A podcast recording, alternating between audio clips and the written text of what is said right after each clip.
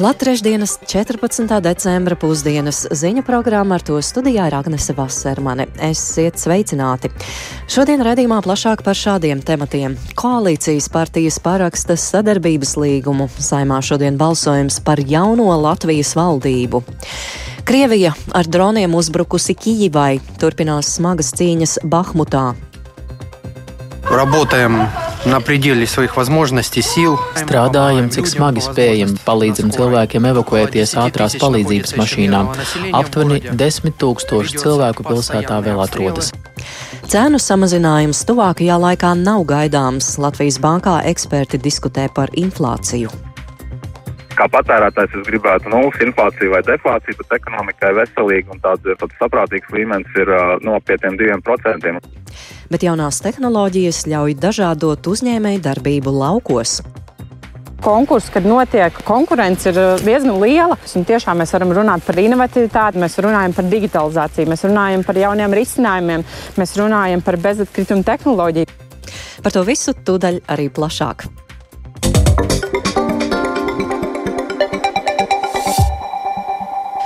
Saimas šodien lemj par jaunās valdības veidošanu. Šorīt um, valdības koalīcijas partneru pārstāvji parakstīja sadarbības dokumentus. Un valdības apstiprināšanai līdzi seko arī kolēģis Jānis Kīncis, kurš šobrīd līdzās studijās veicināts kādi notikumi saimā apspriežot jaunās valdības plānus. Jā, sveika, Agnes, sveicināt radio klausītāji tādas tradicionālas lietas šodien saimā notiek. Trešdienas rītā koalīcijas veidotāji no jaunās vienotības, apvienotā saraksta un Nacionālās apvienības parakstīja ko koalīcijas sadarbības līgumu un arī fiskālās disciplīnas līgumu. Savukārt visi valdo, nākamās valdības locekļi parakstīja deklarāciju par topošā ministru kabineta iecerēto darbību izpildi. Valdības deklarācijā uzsvērts Krišāņa Kariņa jau vairāk kārt publiski minētais mērķis - ekonomikas transformācija, ietverot eh, uzlabojumus tādās jomās kā drošība, izglītība, enerģētika, konkurētspējas veicināšana un dzīves kvalitātes uzlabošana. Savukārt fiskālās disciplīnas līgumā jaunās koalīcijas pārstāvji ir apņēmušies budžeta deficītu vai, vai izdevumu pārsvaru par ienākumiem valsts budžetā pāris gadu laikā mazināt no pašreizējiem 5% līdz pusprocentam no iekšzemes koprodukta. Tagadējos ļoti sarežģītos apstākļus Kariņš savā uzrunā 14. saimas deputātiem apņemās izmantot, plānojot dzīvi pēc krīzes. Paklausīsimies nelielu fragment no viņa teiktā. Un šis ir tas, kas nākamajai valdībai un saimai kopīgi strādājot, šim ir jābūt mūsu kopīgam mērķim izmantot šo neskaidro laiku, lai pārkārtot savu tautsēmniecību. Pārkārtot savu tautsēmniecību tā, lai labklājība, lai patika dzīvot Latvijā, lai tā būtu plašāka un būs, mums būtu aizvien vairāk cilvēku Latvijā, kas ir apmierināti ar dzīvi un kas saredz savu nākotni šeit. Tas nav viegls uzdevums. Es to kopumā saucu par plašu ekonomikas transformāciju. Bet tas ir izdarāmi. Arī citi topošās koalīcijas pārstāvji uzsvēra izaicinājumu strādāt uh, daudzās jomās vienlaikus. Un, kā jau ierasts, kritiskas notis uh, jaunās valdības turpmāko gadu plāniem veltīja opozīcijas pārstāvji, piemēram, Viktors Valāns no Zaļo zemnieku savienības. Vispirms uzskaitīja iepriekšējās valdības uh, īstenoto reformu problēmas, un tāpat viņš brīdināja, ka atšķirībā no iepriekšējā saimnes sasaukuma pašlaik nākamajai koalīcijai ir minimāls 54 balsu vairākums, un uh, dažādu kļūdu vai domstarpību brīžos var gadīties arī kādas koalīcijas sastāvā izmaiņas.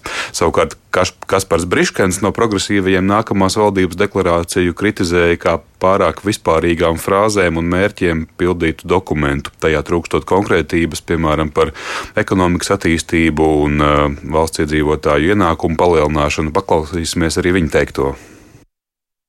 Topošās valdības deklarācija valsti salīdzina ar mašīnu, kurā izglītība ir tās degviela un enerģētika tās motors, bet ir aizmirsts par vadītāju krēslu un stūri. Jo mūsuprāt, ekonomikas izrāviens, kas citas starpā attīsta spēcīgu vidusslāni un sociālo aizsardzību, nav iespējams bez drosmīgiem lēmumiem un skaidra kustības virziena. Un to mēs diemžēl neredzam šajā deklarācijā. kas drīzāk ir 328 punktu saraksts, lielākoties ar lietām, kuras būtu jebkuras valdības deklarācijā. Acīm redzot, šīs valdības trīs kāju krēsls ir pietiekami stabils, lai vienlaicīgi noturētu vairāk nekā 300 prioritātes. Tas tātad, kas par Briškena sacītais debates saimā vēl turpinās, bet Jānim Kincim lūksim pastāstīt, kādi tālākie notikumi šodien dienā, kad apstiprina valdību.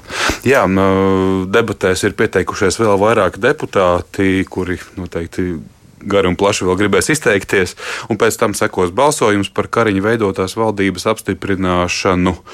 Un neilgi pēc sēdes solīt arī premjera Krišņa Kariņa preses konferences, un vēlāk jau valdības namā jaunā valdība, jaunais ministru kabinets sanāks uz tradicionālo fotografēšanos, un tad gaidām arī pirmā svinīgā sēde.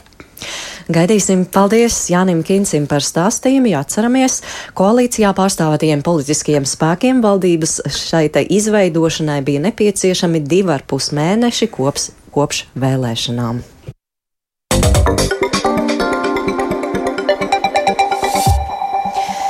Pievēršamies ekonomikai. Inflācijas sekas izjūt pašvaldības, jo šogad krietni pieaudzis to iedzīvotāju skaits, kam jāsniedz palīdzība. Latvijas radio uzrunātās pašvaldības norāda, ka ir pieaudzis mājokļa pabalstu un garantētā minimālā ienākuma pabalstu saņēmēju skaits.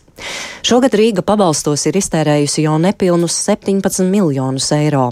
Pieaugums ir vairāk par 40% salīdzinot ar pagājušo gadu, un palielinājies arī trūcīgo un maznodrošināto personu loks.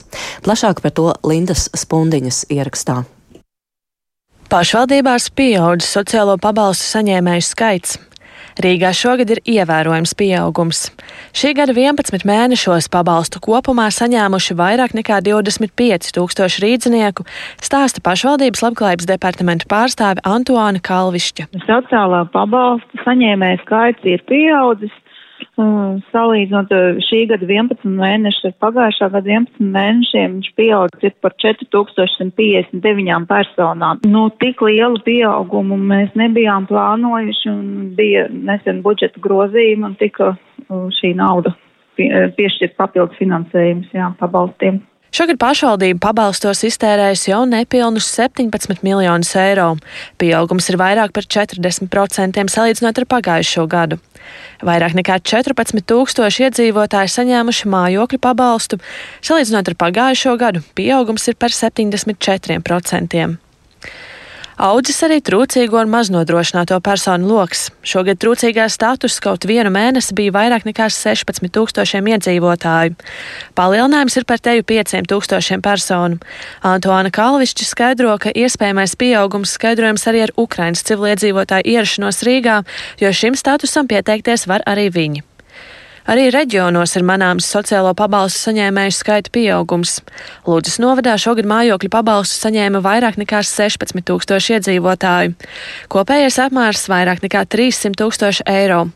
Taču pirms gada šajā laika periodā pašvaldība mājokļu pabalstam tērējusi pusi mazāk, norāda Lūdzes novada pašvaldības sociālā dienesta vadītāja Lilita Gorbanova Kozlova. Šogad nu, tas skaits, ja salīdzināt ar pagājušo gadu, ir nu, krietni pieaudzis. Nu, tātad redzam, ka nu, gan drīz divkāršais pieaugums, bet noteikti, es domāju, šie skaitļi būtu vēl lielāki, ja nu, nebūtu arī energoresursu atbalsta no valsts puses, jo arī saņemot rēķinus par centralizēto siltumu apgādi, nu, tur jau arī tiek piemērot atvieglojumi no iedzīvotājiem. Šogad 800 iedzīvotāji saņēmuši apkuras pabalstu. Savukārt pērn šajā laika periodā pabalstu saņēma nedaudz vairāk nekā 150 ludzes iedzīvotāju. Tikpat ievērojams pieaugums vērojams pašvaldības izmaksās šim pabalstam. Ja pērn par novembri tie bija vairāk nekā 7000 eiro, tad šogad šajā pašā laika periodā tie ir nepilni 52,5 tūkstoši eiro. Mūsu dienestā Dienvidu kursams mums ir pieaudzis pabalstu saņēmēju skaits. It sevišķi tas attiecas tieši uz mājokļu pabalstu un garantētā minimālā ienākuma pabalstu saņēmēju loku. Arī ir palielinājies to iedzīvotāju skaits, kuri kārto trūcīgas personas vai maisaimniecības statusu. Un skatoties pēc pēdējiem mēnešiem, rudens mēnešiem, tad vidēji pieaudzis trūcīgas personas skaits par 50 cilvēkiem mēnesī. Situācija Dienvidkurzemes novadā raksturo pašvaldības sociālā dienesta vadītāja Elīna Pirtniece Niķele. Dienvidkurzemē pabalstu izmaksai šogad atvēlēti bija 2 miljoni eiro. Sociālā dienesta vadītāja norāda, ka izmaksāto pabalstu apmērs summā iekļausies. Linda Spundiņa, Latvijas radio. Šogad inflācija jau pārsniegusi 2009. gada cenu kāpumu pīķi, turklāt paredzams, ka situācija būs saspringta vēl kādu laiku. Par inflāciju šo pēcpusdienu gaidām arī ekspertu diskusija Latvijas bankā. Kā Latvijas radio skaidro viens no diskusijas dalībniekiem, Sebbankas finanšu tirgus pārvaldes vadītājs Andris Lāriņš, inflācijas izmaiņu vilni Latvijā uzsāka energoresursu cenas pagājušajā gadā, bet nākotnē iespaidu uz to atstās kara Ukrainā radītās sekas, kā rezultātā rezultātā paaugstinās gan elektrības, gan gāzes, gan naftas produktu cena. Attiecībā uz inflāciju Baltijas valstīs jāizceļ vairākas nianses, turpina Lāriņš.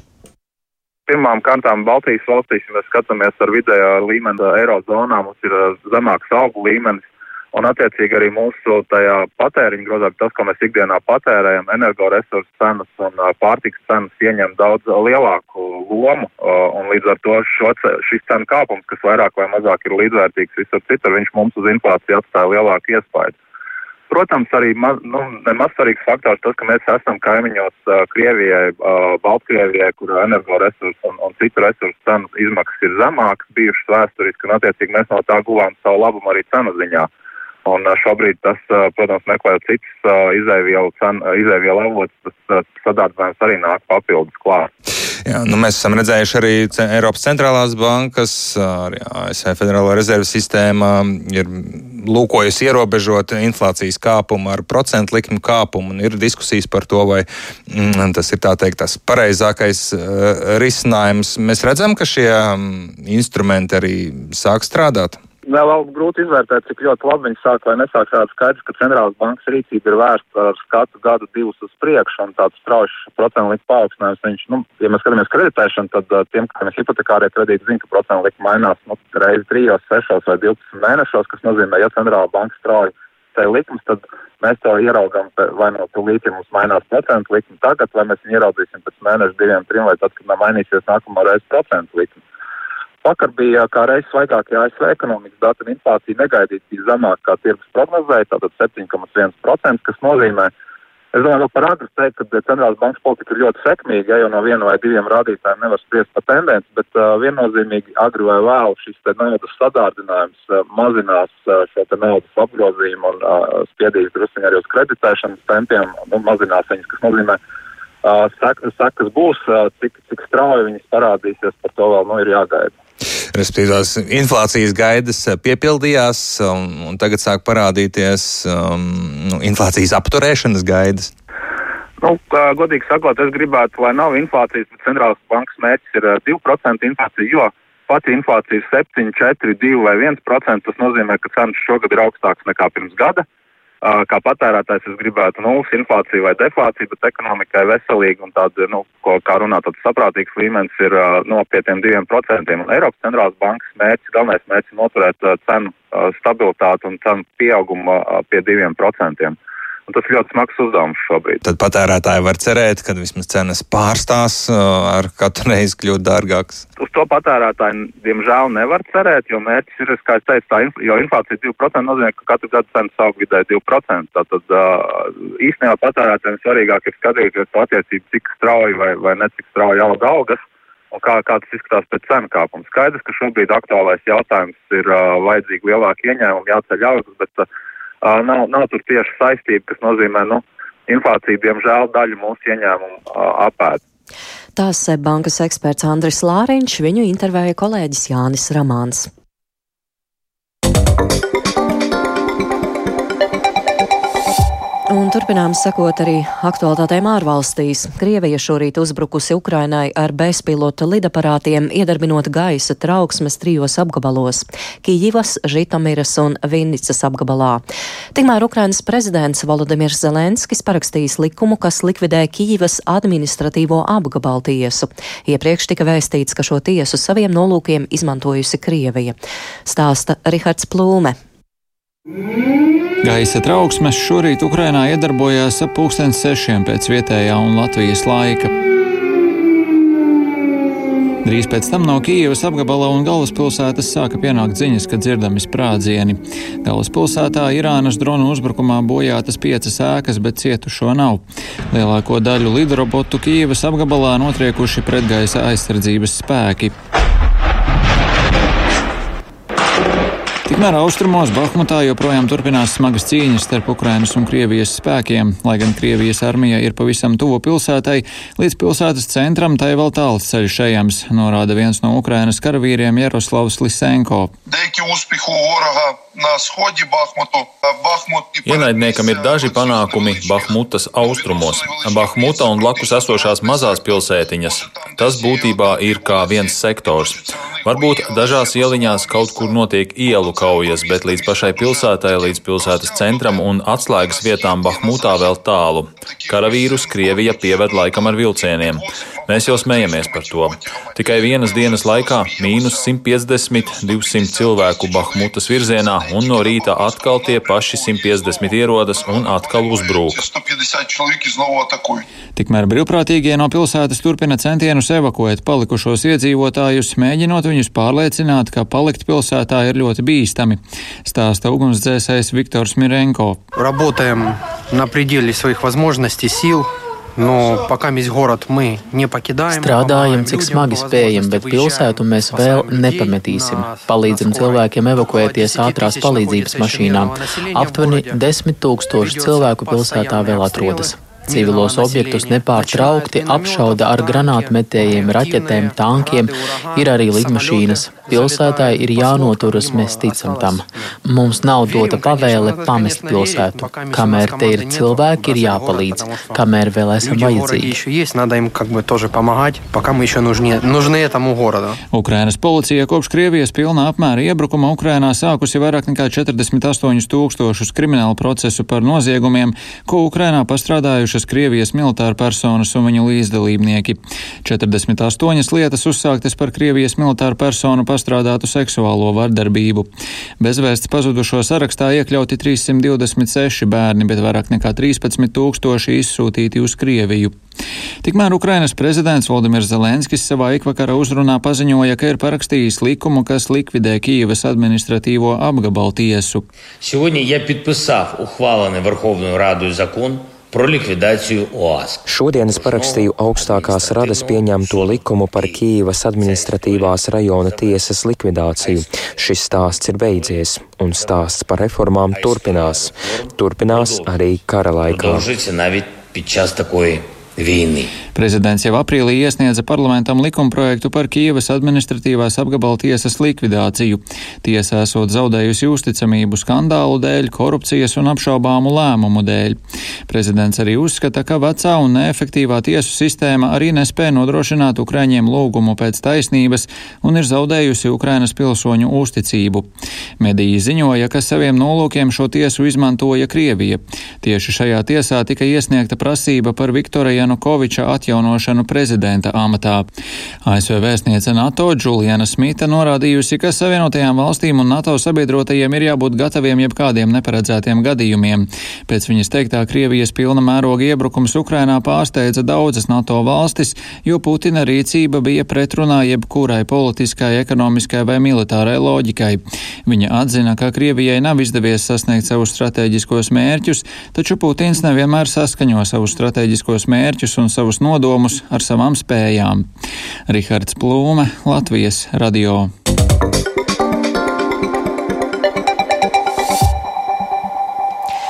Un tepat mūsu valstī, attīstoties modernajām tehnoloģijām, arī laukos tiek dažādoti uzņēmē darbības veidi.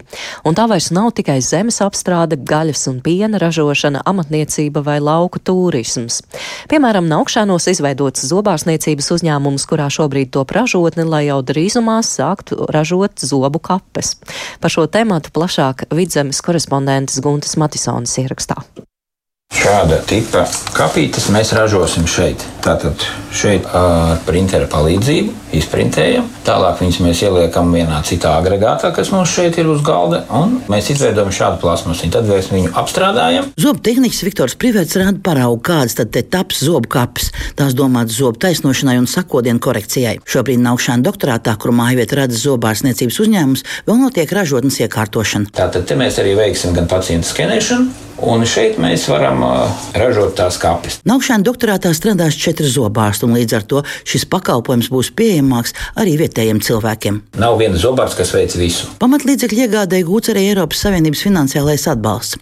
Biedrības no Salats līdz Rūjai, kas pieņem un izvērtē līderu projektus, administratīvā vadītāja Ineta Andersona atzīst, ka zobārstniecības uzņēmumu izveide laukos ir būtisks iegūms. Pakalpojumu, kas ir pieejami lielajās pilsētās, atnesuši uz maziem naukšāniem Viņi ir iepriekš ieguldījuši jau zobārstniecības aprīkojumā, un, un, uh, un ar šo pakalpojumu viņi ir nodrošinājuši jau kaut ko tādu, kas, ko mēs jau varētu teikt par inovatīvu, tādos mazos naukšanos. Zobtehniķis Viktors Privets pirms desmit gadiem naukšana pusē iegādājās īpašumu, un tad arī sākts veidot savu zobārstniecības praksi. Mēs negribam palikt pie tā vecā mainīt tikai sudraba plombas un neko tālāk nedarīt. Bet runājot par to, kāpēc ražotnei un zobārstniecības praksē izvēlēt tomēr tik attālu lauki, jo no augšanas no Rīgas šķir vairāk kā 150 km, Viktors Priverts min vairākus aspektus. Tā kā pie ortodonta un lai kapjas izveidot ir ļoti liels laiks un rindas, pa 3-4 mēnešus mēs šo procesu varētu pātrināt. Jo cilvēkiem, kam šo procedūru vajag, ir gatavi atbraukt tos 150 km,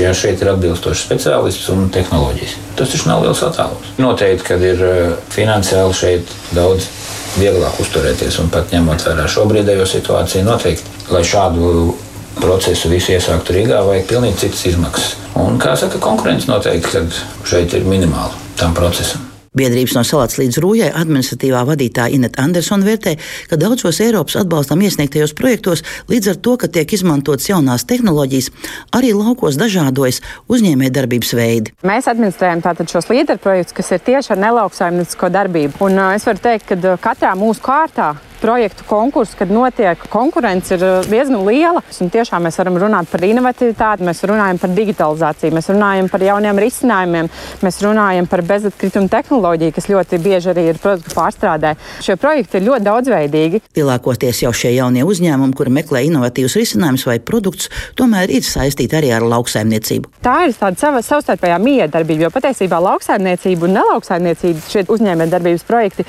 viens ar otru miedarbojās. Jo Jo tātad produktu ražotājs, pieņemsim, gaļas produktu pārstrādes ražotājs, viņš iepirks šo lielopu, bioloģisko lielopu gaļu no šī lauksaimnieka. Pieņemsim, kaltētu gaļu piedāvāt, kas ir it kā tāds ļoti priekš Latvijas tāds netradicionāls, bet ir izpētīts, ka patiesībā tas arvien vairāk un vairāk cilvēki dodoties ceļojumos, karavīriem, sportistiem ir ļoti labi, kur var paņemt visur līdzi. Viņi nav nekur, nekādīgi speciāli jāiepako, viņi var aizvērt, atvērt pēc tam atkal un tā tad nodrošināt šo sev nepieciešamo nepieciešamo pārtiku. Tā piemēram, Burtnieku novadā izmantojot dronu palīdzību, sniegts pakalpojums zemes apstrādē. Speciāli pielāgoti droni kuri veic šo lauka pārklājumu izpēti un tā noskaidro, kurā brīdī tur ir kaut kas par maz, vai tur ir kaut kāda minerāla mēsla, vai kaut kas ir par sausu, vai par slapu. Katrā ziņā to sauc par precīzo lauksaimniecību, un lauksaimniekam nav jāmēslo viss lauks, bet pieņemsim konkrētajās vietās. Tā tad var ietaupīt lauksaimnieka resursus. Bet runājot par naukšanu zobārsniecības ražotni, tad paredzēts, ka jau ar jaunā gada pirmajiem mēnešiem tā uzsāks savu darbību. Gunta Matisona Latvijas Rādio vidzemē.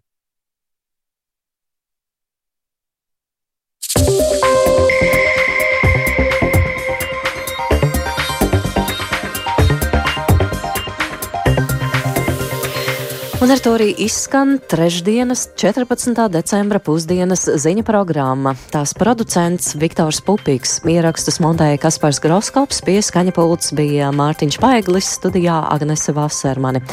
Vēlreiz par svarīgāko koalīcijas partijas Latvijā parakstījušas sadarbības līgumu.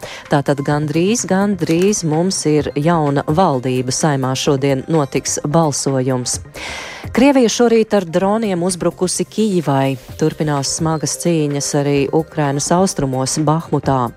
Cēnu samazinājums tuvākajā laikā nav gaidāms. Latvijas bankā eksperti diskutē par inflāciju, bet jaunās tehnoloģijas ļāvušas dažādot uzņēmējdarbību mūsu valsts laukos.